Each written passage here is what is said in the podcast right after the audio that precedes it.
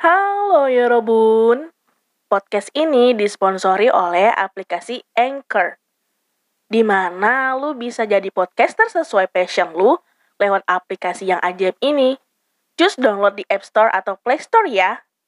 Sekarang, selamat mendengarkan Bangku Podcast. Karena apa? Karena kita perlu sembuh agar tumbuh.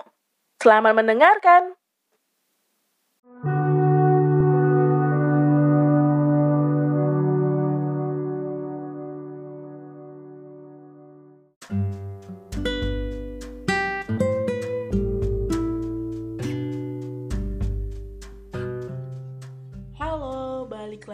Di segmen senderan di mana aku ngebacain email dan DM kalian di bangku podcast. Em, sebelumnya, ini gue mau ngabisin dulu email-email yang masuk ke mamabearhager@gmail.com soalnya kan semenjak em, episode season baru ini gue juga mengganti email kan ke trilogi persahabatan at gmail.com jadi gue mau menghabiskan dulu cerita-cerita yang dikirimkan oleh family bear di sana supaya kalian tidak merasa hmm kok mama bear nggak ada ngebaca aku sih? Kok kayaknya aku diabaikan? Enggak sayang tenang aja gue ngebaca. Dan setiap email yang sudah gue uh, baca pastikan gue ini gue bales kan? Ya kan? Nah, oke, sekarang gue mau ngebacain sebuah email yang benar-benar menyentuh banget dan em, dalam membaca email ini tuh gue jadi kayak keinget sebuah lagu gitu loh. Ini judul, makanya gue kasih judul She Used to Be Mine. Judul ini gue pakai karena memang sangat berhubungan banget dengan email yang bakal gue bacain hari ini. Dan terinspirasi dari Mbak Sarah Bellis, begitu baca sekilas tentang isi emailnya, ya udah entah kenapa lagu Mbak Sarah inilah yang melekat langsung muncul di pikiran gua gitu kan ya udah langsung kita bacain aja ya halo bangku podcast aku kirim email ini dengan keputusan yang gak gampang. Karena aku harus bertarung dengan hati dan juga pikiranku aku adalah wanita berusia 27 tahun wanita yang seharusnya sudah mencapai berbagai mimpi dan juga harapan wanita yang sejogjanya menjadi kebanggaan keluarga, wanita yang sebenarnya tidak kuat apalagi tangguh dalam segala ujian kehidupan. Dulu aku punya impian menjadi wanita yang sukses di bidang yang sangat aku sukai, yaitu melukis. Sedari TK aku selalu diikutkan mamaku untuk ikut berbagai lomba, dari lomba mewarnai hingga melukis. Aku selalu mendapat juara satu. Sepertinya mama sangat amat mengenal bakatku sedari kecil. Sehingga ia mengikutkan aku di berbagai les juga. Mendatangkan guru les lukis yang hebat di bidangnya ke rumah. Walau aku tahu kami hanyalah keluarga yang tidak berkelebihan. Ayah hanya supir taksi dan ibu jualan kue kering. Tapi mereka selalu memberikan yang terbaik untuk anak-anaknya terlebih aku anak sulung yang sangat mereka andalkan dan harap-harapkan.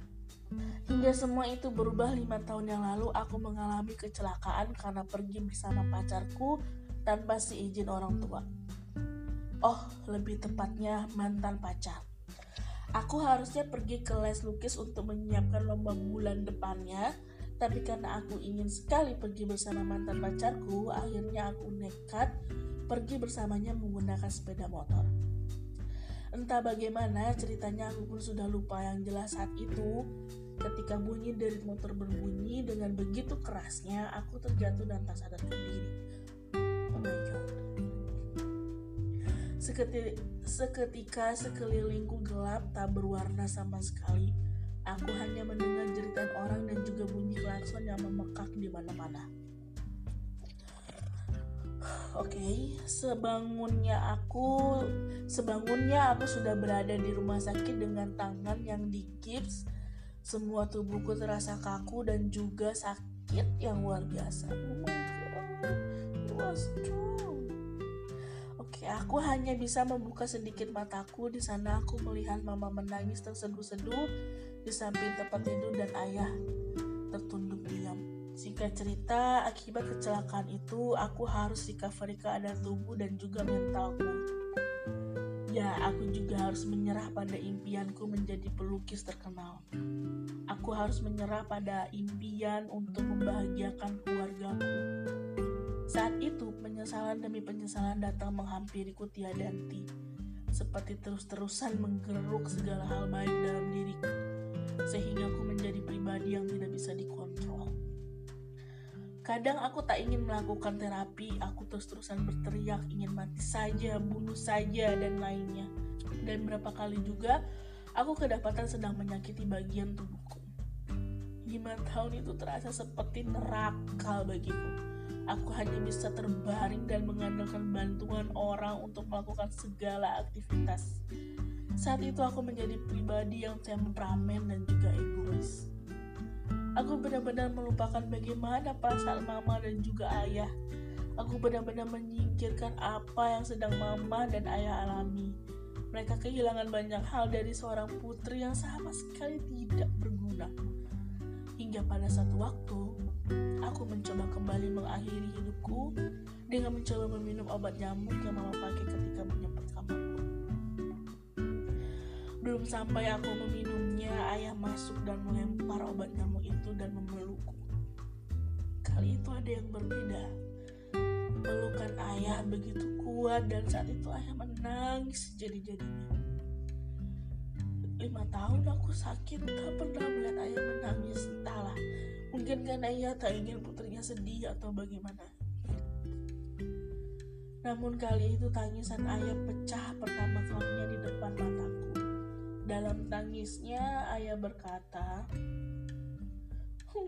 Gak sanggup baca ini. Um, maafin ayah, nah. Maafin ayah kalau ayah belum bisa bawa kamu berobat ke tempat yang lebih bagus dan hebat. Maafin ayah kalau ayah belum bisa jadi ayah yang baik buat kamu. Maafin ayah kalau ayah udah bikin kamu menderita seperti ini ayah sayang sama kamu nak. Ayah gak mau kamu seperti ini terus. Ucap ayah sambil terus terisak-isak. Seketika itu juga aku menangis di pelukan ayah benar-benar merasa bersalah. Semua keegoisan dan juga amarah yang aku tanggung pecah saat itu juga Sejak saat itu, aku memutuskan untuk segera sembuh dan sehat kembali karena tidak mau melihat ayah dan juga mama menderita karena aku. Sekarang, aku sudah melakukan aktivitas walau belum begitu banyak, tapi sudah banyak kemajuan.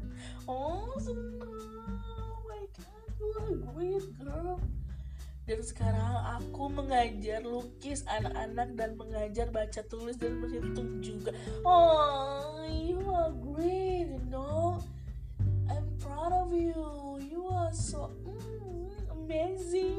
god oh my god oh my god